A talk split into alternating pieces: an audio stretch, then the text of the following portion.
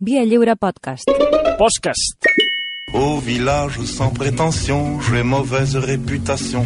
Que je me démène ou que je reste quoi, je passe pour un je ne sais quoi. Je ne fais pourtant... Deixeu ja la fruita, xatos. Uh, Santi Jiménez, Malcom Otero, què tal? M'havien dit moltes coses que deixés, però la fruita mai, eh?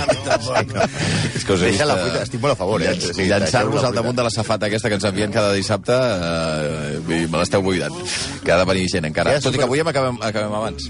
I avui, es... sí, perquè juga al Barça. Sí. Bueno, qui, qui... Què em dieu? Avui, avui eh, quin execrable aneu a buscar? Execrable dona, avui. Epala. Hi ha molt poques dones i la, la gent es queixa, Sí. sí. fins i tot les dones es queixen de que hi ha poques dones. Avui anem a lo grande, a lo grande d'Espanya. Vamos allá. Eh, una de les persones, o sigui, si, si, si això, si el món Europa fos eh, Joc de Trons, mm -hmm. eh, de qui parlarem avui és una Lannister. O sigui, allò de rancio abolenco, diguem-ne, no? O sigui, a més a més, amb pasta, los Lannister sempre paguen sus deutes. Hombre. I a més a més, com tenia molta pasta, era amiga, amiga de, de tot Déu. O sigui, coneixia a tothom. Picasso, Maria Callas, a vegades, Sofia Loren, Bing Crosby. Conèixer Bing Crosby molava, eh? Gregorio Marañón, Ortega i Gasset, els dos. James Stewart. O sigui, més o menys era com el Gigi Sarasola de, o el Pipi Estrada de l'època, no? Va ser, a més a més, era la major latifundista terratinent d'Espanya emparentada amb molts execrables. Per exemple, amb Churchill i Diana de Gales, que va tenir el rècord Guinness de títols nobiliaris amb gairebé 50. 50 o sigui, era el Messi de, dels títols, diguem-ne. Eh? 6 ducats, un comtat ducat, 19 marquesats, 20 comtats i un, be, i un vescomtat, que va ser mecenes de arts, això sí que ho va fer, va, va, va ampliar, perquè si vols invertir, nen, oro allà, compro oro a la, a la calle Montera o compra Sí. quadres. I eh, va atresorar més patrimoni cultural que molts països mitjans. Per entendre's, la disputa d'això de Xixena, que ningú ha vist però tothom es queixa, eh, és una minúcia comparada amb el que es disputen els seus fills que han cobrat, eh, quan ella va morir, una, una herència en caix de 110 milions d'euros cada un. No està mal. Una dona que, si li sortia d'allà on s'asseuen els cavalls, Sí. podia entrar a cavall a la catedral de Sevilla, perquè és l'única persona que té... Sí o no? Sí. Una... Permís. Té permís per entrar a cavall a la catedral de Sevilla. Cosa que a mi em faria molta il·lusió. Perquè ja... Sempre, sempre m'ho has dit. Sempre m'ho has dit. Sempre ho has somiat, això, no? I, perquè quan entro a la catedral, allò a veure les obres, sí, però entrar a cavall... Sí, i jo quan anava... Però sí. hi ha, hi ha cated... bueno, catedrals no, però esglésies que igual no, no passa, et dones un cop al cap, eh, entren a cavall. Vull dir que- No, a la mi ca- m'agradaria del entrar a cavall, sí, sí, però però ja que entres, entres a cavall, perquè a, a sobre, a la catedral de Barcelona et cobren per anar a veure les oques. És veritat, si entres a cavall, si entres a cavall, eh, mola molt. A veure què et cobra. La de Barcelona no sabem qui pot entrar a cavall. No, només és a la catedral de Sevilla. Ah, no és l'únic avui eh, us explicaré a qui parlem, una persona que per si sola justifica la processió de logopeda. Una dona que va estafar Hisenda, va explotar la gent, va ser frívola, insensible i bastant rareta. Avui li donem classes de sevillanes a, atenció, espera que agafo aire, María del Rosario, Cayetana Paloma, Alfonsa Victoria, Eugenia Fernanda, Teresa Francisca de Paula, Lourdes, Antonia, Josefa, Fausta, Rita, Castor, Dorotea, Santa Esperanza, Fitzjames, Stuart, de Silva, Falcó i Guturbay. Brutal. Uah! Però tu t'imagines que truques per fer una reserva No, d'un no. hotel? No, Hola, no. em dic No. Joan, Xavi, Felip, Andreu, A veure, pot, Boi... deixa'm els que els conti, un moment. Un, dos, tres, quatre, cinc, sis, set... Francisca de Paula és un només, deu, 11, 12, 13, 14, 15, 16, 17, eh, 18, 19, 20. Mira, I el- el- omplir, omplir un formulari, com deia el Santi Foro, omplir un formulari de Iberia Plus, aquí. Ah, no. d'omplir un formulari per internet. la, el, el DNI és amb A3. sí, sí. sí. I, I això, quan diu el nom, sembla que sigui la llista de, la, de, les, de les nenes de la classe de la teva àvia, però no. Ah, evidentment es coneix com a Cayetana Fitzjames Stewart, coneguda com la duquesa d'Alba, la Tana. Eh? Eh? Eh? La, la, la brometa de la cançó aquesta? Eh, sempre. Està bé. Mira, aquesta, aquesta bonica cançó... Que no us heu parat a escoltar la lletra. A veure. Dormeta niña. Reiteratiu ja.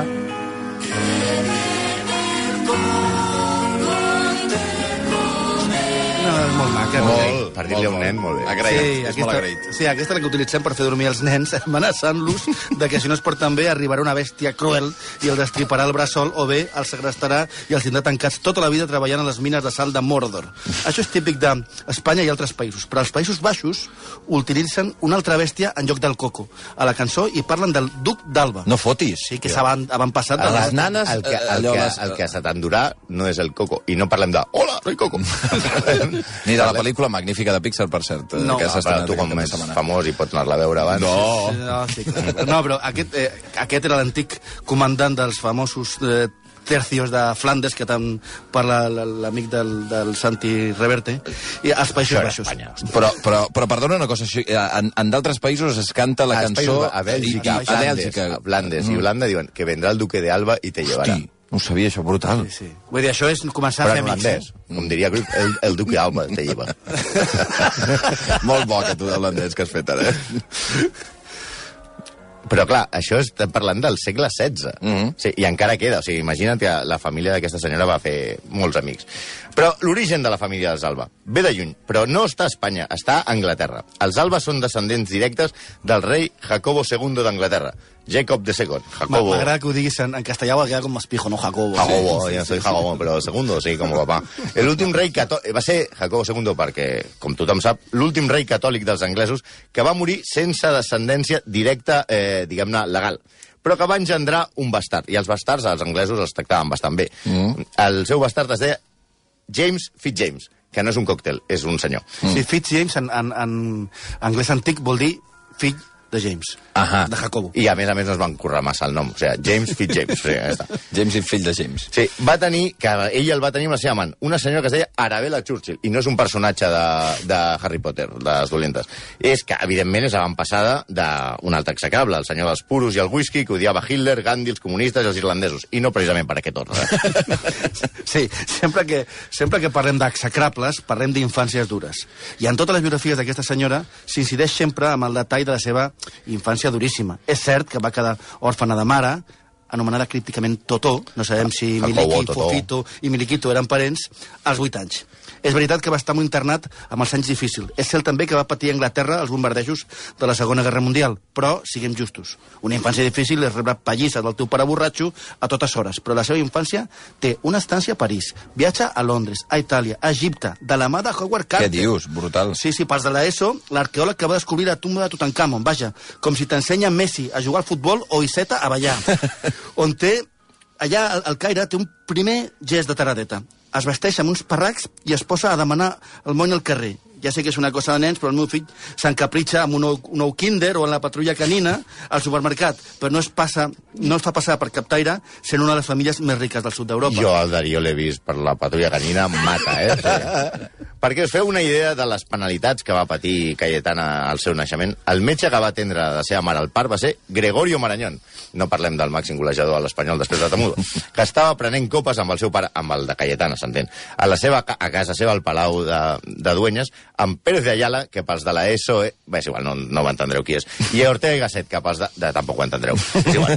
Això ve ser com si cada dia que vas a dormir el doctor Estiví ve a tapar-te. O sigui, que te- que t'atengui Gregorio Marañón. Que inquietant, no? És com si et fas Que un tall i ve, i ve Alexander Fleming a curar-te. Una, un altre detall és que els seus padrins de bateig van ser Alfons XIII i la reina Victoria Eugènia i que va ser batejada a la pila baptismal de Santo Domingo de la Calzada, on només es bateixen els reis i els seus descendents. Mm. Ara batejarien tot l'IBEX 35.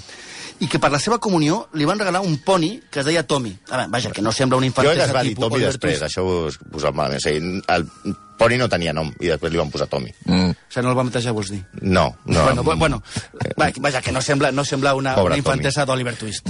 No. Però, infantesa, dura o no, a Anglaterra sempre anava a visitar el seu parent, Winston Churchill. Aquí sortiran molts execrables Ah, sí? en aquest programa. Tots aquí sí. en- Tots en- estan en relacionats. barrena. Ja, ja, hem parlat d'alguns. Va anar a classe, per exemple, al, a l'internat amb un net de Tolstoi, execrable següent que, que, que està relacionat amb la, amb la duquesa. També eh, a Cayetana d'Alba, més, era familiar de Lady Di per la branca del, de, del, del senyor Fitzjames, James James Fitzjames. També va conèixer a Walt Disney, a Charlie Chaplin, a Marilyn Monroe o a Charlton Heston. Ja Tots portem- aquests són execrables, ja, eh? tots aquests ja portem nou. No ens consta que conegués a Charles Manson, però no. és el que li falta per ser la reina mare dels execrables. No. I ens hem deixat Alfons XIII, que no l'hem emès encara, però que el tenim escrit al llibre, que se'l podeu comprar només per, Ja. un, per una mòdica, mòdic preu. Sí, un altre execrable, però en creia més, Picasso, li va proposar pintar una maja desnuda, amb ella, de model, no aguantant la brotxa, eh? Però al seu primer marit, el, el de d'Urujo, no li va semblar bona idea. Cal, de, cal dir que si poseu duquesa d'Alba, interviu, a les imatges de Google, surten unes fotos d'ella a més de 50 anys que està de molt bon veu. Però això es va publicar l'interviu de fa... Poc. De fa... Ah, de fa poc, que eren, De- de- i, i eren de- antigues. les tenien no es va publicar... No, les van publicar quan estava a punt de casar-se amb el senyor de Palencia. Ah, d'acord, Sí, d'acord. sí, sí, però és una, és una senyora de bon bon meure i uns volums bastant considerables. Era molt guapa, eh? Sí. sí la, ima la imatge, Molt, molt, la molt, imatge molt. de final, aquella que... Sí, no, que, que era de... De jove, de jove era una bellesa brutal, aquesta senyora. Sí, sí. S'ha de dir que Picasso, quan li va demanar ser de fes de masculinitat, era 45 anys més gran, ja sabem que li agradava la carn poc, poc feta, i que era un sàtir a tota regla. Si veiem les fotos d'interviu, que van sortir abans de, com deia el Santi, abans que es casés amb un senyor anomenat Alfonso Díaz de Caravantes, que a sobre era de Palència, si, veiem aquestes fotos entendrem per què és grande o grandes d'Espanya. Grandes, dos veces grandes d'Espanya.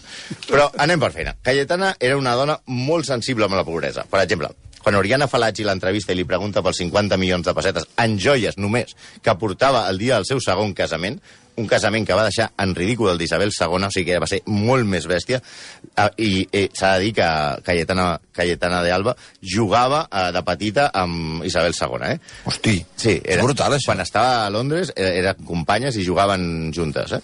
Eh, ella va dir... Eh, li van preguntar per què, home, no li sembla malament portar 50 milions de pessetes en joies, i va dir, ella va dir, cometes, ho trobo a fue, envilidor, disgusting, odiós, detesto els diners. Joder, si jo també fos milionari també detestaria els diners. És una mena de Neymar de la noblesa. De fet, va utilitzar la pasta que tenia per muntar un tablau flamenc a cada palau que tenia. Millor això que posar un gimnàs, eh? Ah, hi havia un tablau a tots sí, els a palaus? tots, sí, es va muntar, sí, sí. Com la bodeguilla, això, però...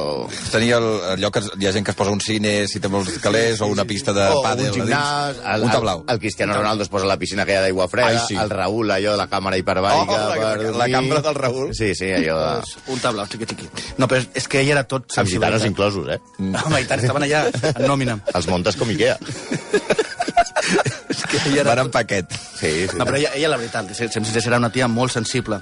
Mira, quan parla de la duquesa d'Alba de Goya, de l'antiga, i de la maja desnuda, diu que la duquesa no pot ser la del quadre. Diu, la maja és petita i rebessuda. Es tracta, per descomptat, d'una noia de camp. Saps que aquesta tia, cada frase que deia era una perla. Si contem totes les frases que no s'entenia el que deia, perquè era molt difícil d'entendre, devia ser una mina de bajanades. Si, si busques les entrevistes, que hem buscat bastantes, trobes veritables meravelles, entre cometes. Eh? Eh, eh, una concedida als anys 70 a Jui Bustamante diu, tranquil·lament, yo soy monárquica, lo saben hasta los negros. Hosti. Ole, tu. Això als anys 70? Sí, era una frase que també deia la meva àvia, però no tenia la. Després jo la vaig canviar. És que és el que t'anava a dir, eh? Els vaig- 70 igual. Li vaig dir, ja, ja, no, els negros no dice, bueno, lo saben hasta los chinos. Bé, eh, i al tanto amb una altra reflexió que fa la mateixa entrevista, que és digna d'un pensador de l'escola de Frankfurt, eh? Diu, el divorcio desune a la família. No fotis, tu. Sí, sí, això, això és pensament, eh? Nada te debo, Home, nada te pío. Me voy de tu vera, olvídame És un ya. homenatge a Luis Alegre, no? És Miguel de Moreno, no Luis Alegre. Tus carnes morenas. Un familia, Luis Alegre. Sí que m'agrada més l'altre. Sí, sí. Estamos en paz. què, què em dieu dels diners? Bueno, doncs ara que, ara que, hem, que hem parlat de diners, que, que ella detestava, li agradava tan poc que sobretot no volia que els tingués Hisenda. Ja, ja saps cada any. Pa, per entendre'ns, eh, ella sí que tenia una Hisenda pròpia. Per exemple, una de les polítiques fiscals era desgravar amb donacions a institucions sense ànim de lucre, com per exemple, un, dos, tres, respondo otra vez, la seva pròpia fundació. És a dir, passava béns i calés de la seva propietat a la seva fundació i per cada milió de- d'euros que passava pagava 350 euros menys 350.000 seria. 350.000 menys. És a dir, jo tinc una, una, una, una, fundació, la Fundació Malcolm, de cada 10 euros que passo, doncs serà 3 No euros... vull saber què podria fer la Fundació. Ui! Bé, després, eh, eh, el seu problema està amb, la, amb les ajudes europees. A, al, hem dit que era la major latifundista d'Espanya i una de les més grans d'Europa. La van acusar de rebre 7 milions d'ajudes agràries irregulars perquè eh, van arribar a dir eh, a la Unió Europea, els italians la van denunciar, perquè eh, pintava eh, oliveres que no existien. Perquè quan ho miraven, perquè passava un avió i comptaven oliveres i les oliveres eren de plàstic i, o pintades. No, no fotis. Sí, i aleshores com a, a tanta olivera, a tants, tants quilòmetres quadrats d'olivera, tanta subvenció. El seu nom també va sortir a l'Operació Emperador, que segons el diari El Confidencial, ho dic aquí perquè si ja la cosa va pel Confidencial, es van registrar pagaments des d'un compte en Suïssa del banc Lombard Odier. Els diners van a parar al pare de Gao Ping, res a veure amb el pivot xinès que va jugar a la NBA. eh? No, es deia Gao Ping, el de l'NBA. Bueno, però més o menys. Eh, presumpte gran blanquejador de diners a través de Xina. Segons el Confidencial, una altra vegada, quan va morir l'anaven a acusar per evasió fiscal, però no va donar temps. Es va salvar pels pèls, com tots els gent aquesta que està més o menys involucrada. Que no, Santi, que odiava els diners.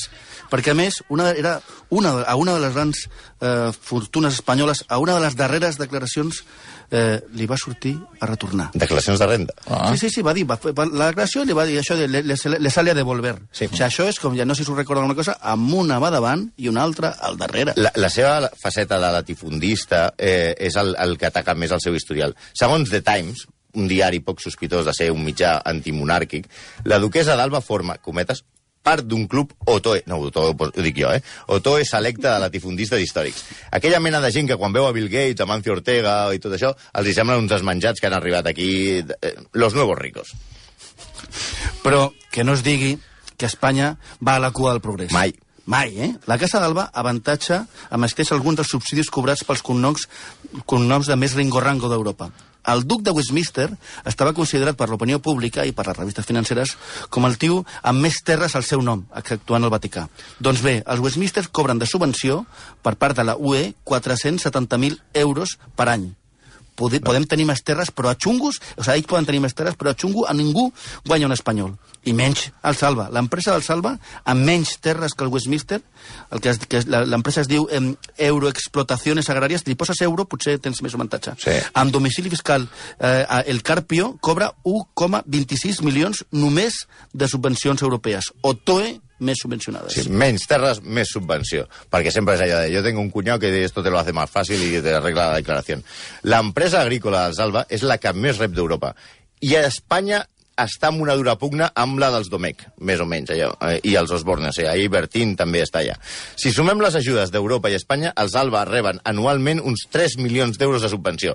Res estrany. Segons l'informe elaborat el l'any 2013 pel Sindicato de Obreros del Campo i en col·laboració amb el Sindicato Andaluz de los Trabajadores, entre 80 famílies que reparteixen les terres andaluses cobren 100 milions d'euros anuals en subvencions. Sí, per reblar el clau, un estudi d'Intermont Oxfam denuncia que el Salva venen a cobrar els, en, subsi, en subsidis tants diners com els que s'han de repartir als 12.700 petits empresaris agrícoles d'Andalusia. I sabeu qui aprovava les subvencions? Arias Cañete, Ahí el, el dels iogurts caducats, que era el ministre d'Agricultura. Segons el seu fill, de la, de la duquesa, Cayetano Martínez Durujo, Arias nos ha ayudado tanto que nos va a dejar ponernos al día para que cada vez dependamos menos de las subvenciones. Això ho va dir en una entrevista, clarament, Va, quan van xulo, treure xulo. la, la marca gourmet Alba. Però eh, la duquesa confiava molt en els espanyols i mucho espanyoles. A l'entrevista d'Oriana Falacci diu, cometes, o no, los españoles no roban. Los españoles son especiales en todo, hasta en no robar. Una visionària, era la senyora. Va canviar d'opinió quan li van aixecar la casa a Eivissa. It's raining men.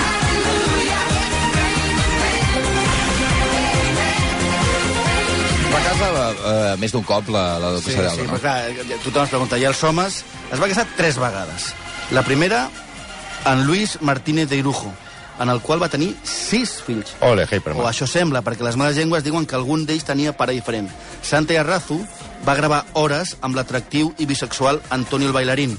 El llibre Reazu, amb veu del, del ballarí en primera persona, diu... Y s- la última frase del llibre, y si es necesario, que me desentierren, Como que se Dalí. hagan las pruebas de laboratorio. Fernando es hijo El mío. fèmur de Dalí, eh? No et diria que traurien d'Antonio el bailarín. Eh? Vinga. Però acaba dient, Fernando es hijo mío, es mi hijo. Es refereix a Fernando Martínez de Irujo. A veure, sobre la paternitat dels fills de la duquesa d'Alba, els sis, que hi ha bastanta controvèrsia, eh? eh gent que l'ha conegut molt, a ella i al seu segon marit, el Jesús Aguirre, asseguren que ella, a vegades, eh, amb els seus fills, en una reunió familiar, eh, bromejava, feia conya, eh, mirant els fills, dient-li tu, del torero, tu, del Oh, bailarín, tu, Sí. De, no sé, hi ha, hi ha un eh, que és el, aquell que sembla un personatge de, de Harry Potter, allò, de, sembla Draco Malfoy, que eh, es dedica al mateix que el Malcolm, que va dir, i jo, i va dir, A ti no te lo digo. Una de les seves millors anècdotes amb els homes va ser una tarda que es va anar al llit amb un famós actor comunista que no se'n recordava que la duquesa l'havia convidat a prendre el té. Bueno, quan ella et convidava a prendre el té, ella posava el té i... Va, i, vinga, sí, sí, d'acord, d'acord. El d'acord. fet és que el xofer de la... Sí, exacte. La crema. Vinga. El fet és que el xòfer de la duquesa va arribar al restaurant, a la tasca, on el nostre actor estava bufant com un lloc amb els col·leguetes, Col·legues comunistes, tots. Tots, eh? que retreien que marxés al Palacio de Dueñas a estar amb la Cayetana. És una traïció al poble. El xòfer li diu, tenemos el coche en la puerta, le esperan en 10 minutos. Ell eh, diu, ostres, però no puc ir al lavabo? i No Està allà al, al bar, eh? al bar amb els col·legues allà, Vinga. muntant la revolució del Partit Comunista i, i li arriba el xòfer de la duquesa i diu, l'esperamos fuera. I aleshores li diu, "Sí, però puc ir al lavabo? I diu, no, eh, a, en 10 minuts hem d'estar. Aleshores el tio puja al cotxe i van tirant cap al palau i ella es pixa, però es pixa immensament. O sigui, això és. I aleshores li diu, el xòfer diu, ¿la puede parar un momento que, que me tengo que desahogar? I, i, i el xòfer diu, no. Eh, a mi m'han dit que tengo que llegar a esta hora i hem d'arribar a aquesta hora. Brutal. Diu, però, por favor, pareu un momento que en un árbol i, jo a, arribo... O sigui, el tio, allò, saps allò? Molt apurat, saps molt allò? apurat. A, a, un- una, una bufeta tipus Belushi. Sí, sí, sí. Sí, quan, quan arriben a Palau, la duquesa surt a rebre el nostre atractiu actor i ell no li fa cas i li pregunta exasperat un vàter, un vàter! I ella li indica la cortesia a l'entrada. Diuen que Després van parlar l'actor en qüestió que la seva pixada va ser tan sorollosa i abundant com les catarates Victòria. Ai, per favor. Un, que també estava segurament vinculada amb la duquesa d'Alba. Un cop tranquil, va sortir de l'excusat i es va trobar la duquesa que li va dir si pots fer tot això que he sentit, ja pots pujar cap a l'habitació.